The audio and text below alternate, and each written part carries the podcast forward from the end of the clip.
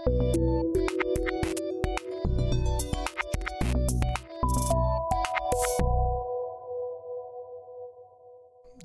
Talk to jest podcast Dzieje się świat przy mikrofonie Jakub Keprzewski.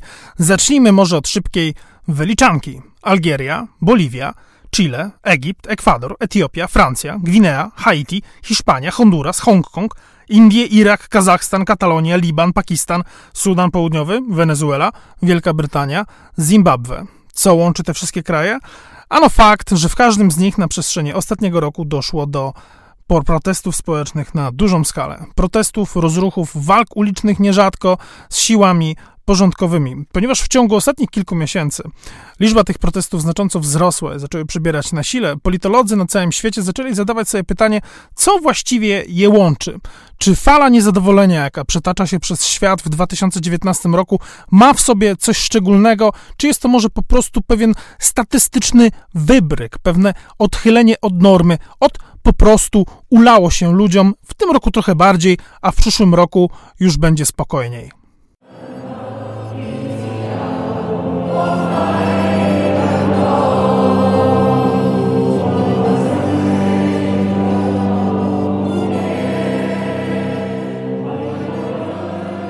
To nieoficjalny hymn Hongkongu, do którego muzykę skomponował i napisał słowa. Anonimowy autor, znany tylko i wyłącznie pod pseudonimem Thomas. Zaczynamy od Hongkongu, dlatego że jest to miasto, które od kilku dni zna, znowu jest sparaliżowane bardzo silnymi protestami, silniejszymi niż e, w ostatnich miesiącach. E, studenci jednego z uniwersytetów zabarykadowali się na kampusie, sięgnęli po wszystko, co mieli pod ręką. E, stały do ping-ponga, doniczki z kwiatami, meble, sprzęt sportowy. Dotychczasowe uzbrojenie składające się głównie z masek gazowych, e, robionych z byle czego pancerzy chroniących przed gumowymi pałkami i strzałem z amunicji oczywiście nieostrej. Studenci zaczęli uzupełniać o cegłówki, płytki ceramiczne, budują nawet łuki koktajle Mołotowa. To wszystko, aby móc stawić czoła siłom porządkowym, które są wysyłane do walk z nimi. Dzieje się jednak nie tylko w byłej brytyjskiej kolonii.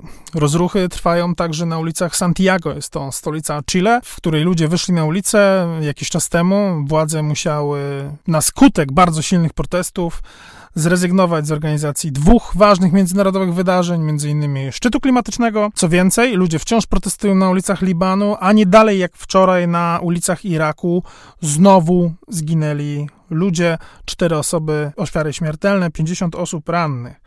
No i oczywiście pytanie brzmi, czy te wszystkie protesty coś ze sobą łączy? Przede wszystkim podatny grunt. Praktycznie w każdym z omawianych krajów występują warunki, które bardzo sprzyjają temu, aby ludzie wychodzili na ulicę. A więc przede wszystkim panuje w nich wysokie bezrobocie. I Irak, i Pakistan są tutaj doskonałym przykładem, jak również Liban. Rosnące koszty utrzymania, Zmęczenie brakiem perspektyw, coraz głębsze nierówności, czyli w każdym kraju oczywiście jest grupa ludzi, którym się powodzi. Problemem oczywiście jest ta reszta, której nie powodzi się już tak dobrze. Skórą powładza. Te wszystkie elementy wciąż stanowią niezwykle żyzny podkład dla rosnącego niezadowolenia społecznego. Kiedy młoda populacja zderza się z kiepskimi realiami na lokalnym rynku pracy, to jest to praktycznie gwarancja problemów i czego właśnie doskonałym przykładem są Liban, Pakistan i Irak. Doszło do tego, że władze tego ostatniego, władze w Bagdadzie stwierdziły niedawno z rozbrajającą wprost szczerością, że nie były przygotowane na aż tak liczne roczniki wchodzące na rynek pracy. Irak jest bardzo młodym krajem, prawie połowa populacji nie ma tam jeszcze 30-35 lat. E, bezrobocie wśród osób młodych sięga 30%, co oznacza, że po prostu albo żyją na koszt rodziców, nie są się w stanie samodzielnie utrzymać. To oczywiście wzbudza niezadowolenie i wyprowadza ludzi na ulicę. Ale wyprowadzić ludzi na ulicę mogą też grzechy władzy. I tutaj doskonałym przykładem jest były już prezydent Boliwii Evo Morales, który chciał zagwarantować sobie reelekcję na stanowisko prezydenta kraju i niestety machinacje przy urnach wyborczych i organizacji wyborów wyszły na jaw, co bardzo się nie spodobało e, w tym południowoamerykańskim kraju. Ludzie wyszli na ulicę, zaczęli stawiać barykady, od prezydenta odwróciły się służby e, porządkowe, skutkiem czego ten złożył urząd, poprosił o azyl w Meksyku, Meksyk azylu udzielił, były już prezydent przybywa w tej chwili na terenie tego środkowoamerykańskiego kraju. Inny przykład, również z Ameryki Środkowej, Haiti. E, niedawno ludzi na ulicę wyprowadziły braki mm, w dostawach najbardziej podstawowych artykułów, chodzi mianowicie o paliwo i wodę pitną. Niemniej jednak e, do niezadowolenia również przyczyniła się endemiczna wprost w tym kraju korupcja wszechogarniająca. E, w maju specjalna komisja opublikowała raport, z którego wynika, że bardzo niewielka część środków pomocy międzynarodowej trafia i jest wykorzystywana do realizowania inwestycji na terenie Haiti. Chodzi mianowicie o kwotę 2 miliardów dolarów, astronomiczną jak dla takiego kraju, którą Haiti otrzymuje w ramach programu Petrocaribe. To jest taki specjalny program pomocy międzynarodowej, który prowadzi Wenezuela. Został wprowadzony przez poprzedniego prezydenta Hugo Chaveza. Prezydent Jovenel Moise, który obecnie sprawuje władzę na Haiti, został wymieniony w tym raporcie jako jedna z osób, która mogła e, dokonywać e, zagarniania środków e, z pomocy międzynarodowej. To wszystko sprawia, te wszystkie problemy, o których powiedzieliśmy, bezrobocie, brak perspektyw, niemożność znalezienia pracy, niski wiek, nuda często nawet, tak? Korupcja, e, słaby tak zwany governance, czyli po prostu zarządzanie strukturami państwowymi, tworzą bardzo, bardzo żyzny grunt dla protestów i sprawiają, że często wystarczy niewielka iskra, żeby wyprowadzić ludzi na ulicę. I tak na przykład w Chile punktem zapalnym stała się podwyżka cen biletów na metro. W Ekwadorze protesty wybuchły przy okazji próby zniesienia dopłat do paliwa, bardzo ważnego elementu tamtejsze, w tamtejszym kraju elementu systemu zabezpieczenia społecznego. Pretekstem dla Hongkongczyków z kolei była próba wprowadzenia prawa, konkretnie przepisu, który umożliwiałby ekstradycję osób skazanych w Hongkongu do Chin kontynentalnych. Hindusi z kolei w tym roku wyszli na ulicę, hin, hinduscy rolnicy wyszli na ulicę, kiedy w kraju zaczęła drożyć cebula. Niby nic, ale jest to warzywo bardzo ważne dla lokalnej kuchni i podstawa tamtejszej diety, więc y, jego cena jest absolutnie strategiczna z punktu widzenia kraju. Z kolei w Libanie czary goryczy przelała próba wprowadzenia podatku od połączeń przez komunikatory internetowe, takie jak WhatsApp. I teraz w kraju, w którym prawie 1 trzecia populacji żyje poniżej progu ubóstwa, definiowanego jako 4 dolary dziennie, próba wprowadzenia podatku, który kosztuje 6 dolarów, może zakończyć się wybuchem społecznych niepokojów.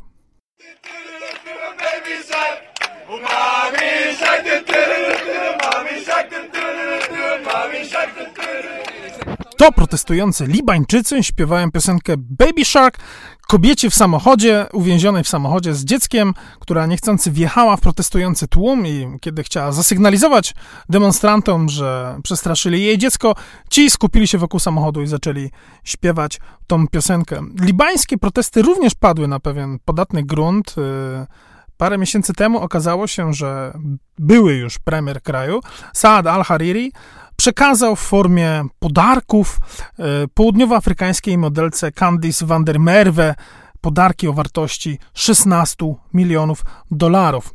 Szef rządu nie złamał żadnego prawa, e, robiąc ten prezent, czy też prezenty południowoafrykańskiej modelce, dlatego że po pierwsze zrobił to przed objęciem urzędu, a po drugie jest dosyć majętnym człowiekiem, więc stać go na taki gest. Niemniej jednak prezenty o wartości 16 milionów dolarów w kraju, gdzie 1 czwarta ludności żyje za 4 dolary dziennie, mogła się nie spodobać, tym bardziej, że Hariri poznał Van der Merwe nie w jakimś bejruckim pubie, ale na Seszelach, a konkretnie w resorcie The Plantation w 2012 roku, kiedy modelka miała lat 20, a były premier miał lat 43. Co więcej, bardzo często na żywotność protestów wpływa kiepska reakcja ze strony władz. Tutaj z kolei doskonałym przykładem jest Irak, gdzie władza wysłały siły porządkowe do tego, żeby okiełznać protesty. Siły porządkowe niestety użyły broni z ostrą amunicją, w wyniku czego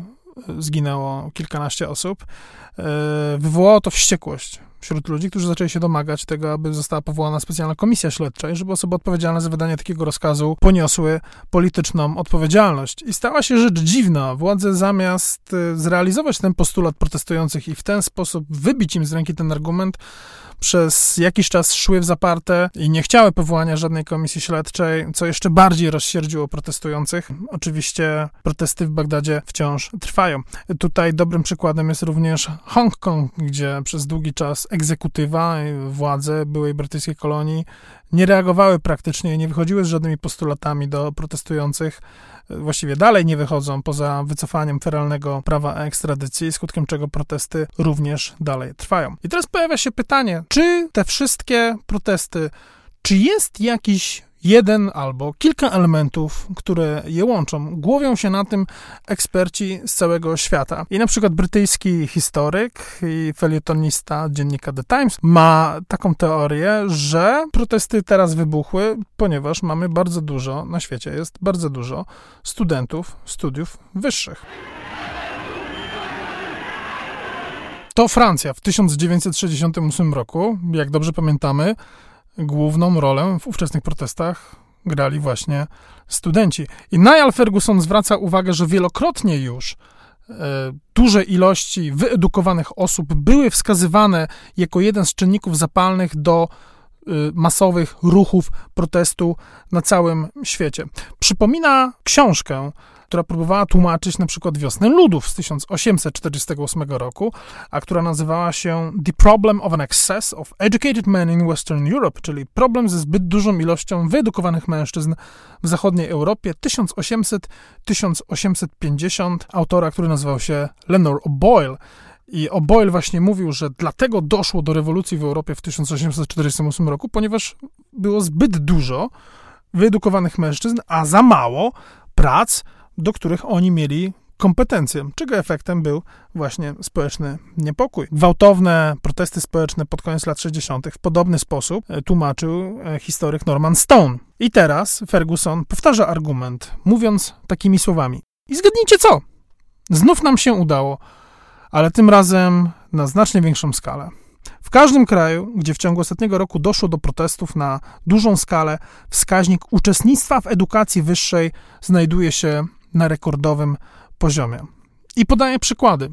E, korzystając z danych Banku Światowego, pokazuje różnicę między wskaźnikiem osób e, uczestniczących w edukacji wyższej między 1980 a 2016 rokiem dla kilku krajów. I tak na przykład w Chile wzrósł z 18 do 90%, w Ekwadorze z 25 do 46%, w Egipcie z 15 do 34%, we Francji z 34 do 64%, w Hongkongu z 13 do 72%, w Libanie z 32 do 38% to najmniejsza akurat zmiana. Oczywiście Ferguson nie jest jedyną osobą, która stara się tłumaczyć i szukać jakichś elementów wspólnych między tymi wszystkimi protestami. Dominique Moisier z Instytutu Montaigne w Paryżu stawia inną tezę, a mianowicie, że elementem łączącym wszystkie protesty na świecie jest walka o godność. Autor tak pisze w komentarzu dla Project Syndicate. W 1968 roku, kiedy nie było problemów z pracą, ludzi na ulicę wyprowadziła kombinacja nudy i utopijnego rewolucjonizmu. W 1989 roku nadzieja na wolność i dostatek zmobilizowały ludzi i pomogły obalić komunistyczne reżimy. W 2019 roku rozpacz i gniew zastąpiły nadzieję i marzenia. Jeśli więc protesty te mają jakiś wspólny mianownik, to jest to właśnie pragnienie godności i szacunku.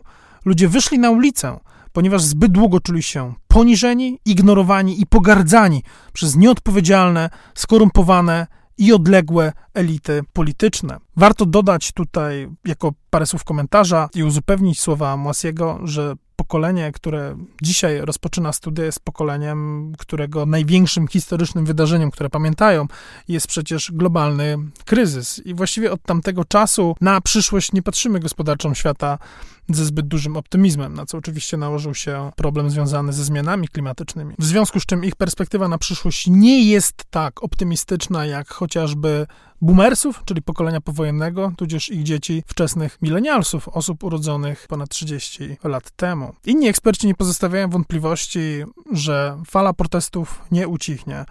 Tak na przykład prognozuje Ari Neyer, założyciel organizacji pozarządowej Human Rights Watch, który mówi, że ludzie tak naprawdę nie mają innego wyjścia, jak protestować i demonstrować na ulicy, jeżeli w jakikolwiek sposób chcą, żeby ich niezadowolenie zostało dostrzeżone. Także w komentarzu dla Project Syndicate Neyer pisze, że w jakim właściwie sposób Hongkongczycy mieliby zwrócić uwagę świata na próbę wprowadzenia przez tamtejsze władze niesprawiedliwego prawa pozwalającego na ekstradycję do Chin.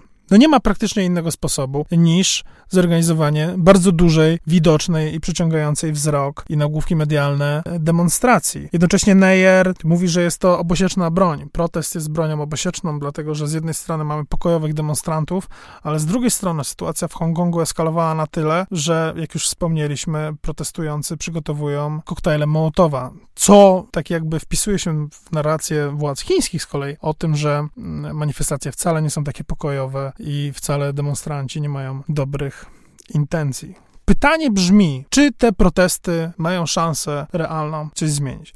I tutaj odpowiedź jest raczej pesymistyczna, dlatego że dwa lata temu e, amerykańska badaczka, politolożka Erika Chenoweth z Uniwersytetu Harvarda starała się właśnie podliczyć, jak często pokojowym ruchom oporu udaje się osiągnąć ich postulaty polityczne. Doszło do zaskakujących wniosków, bo o ile przez większość powojennej historii powojenne ruchy nieagresywne, pokojowe, udawało im się wywalczyć e, postulaty, wszystkie realizacje części, tudzież wszystkich postulatów, o tyle w ciągu ostatniej dekady skuteczność tego typu działań znacząco, znacząco zmalała. A ponieważ nie widać szybkich sposobów na poprawę najbardziej palących problemów bytowych w krajach, które dzisiaj płoną i gdzie ludzie e, wychodzą na ulicę, możemy się spodziewać, że końcówka 2019 roku, a być może nawet początek 2020 roku również będą gorące. To był podcast Dzieje się świat, DGP Talk, Jakub Keprzewski. Bardzo Państwu dziękuję i do usłyszenia za tydzień.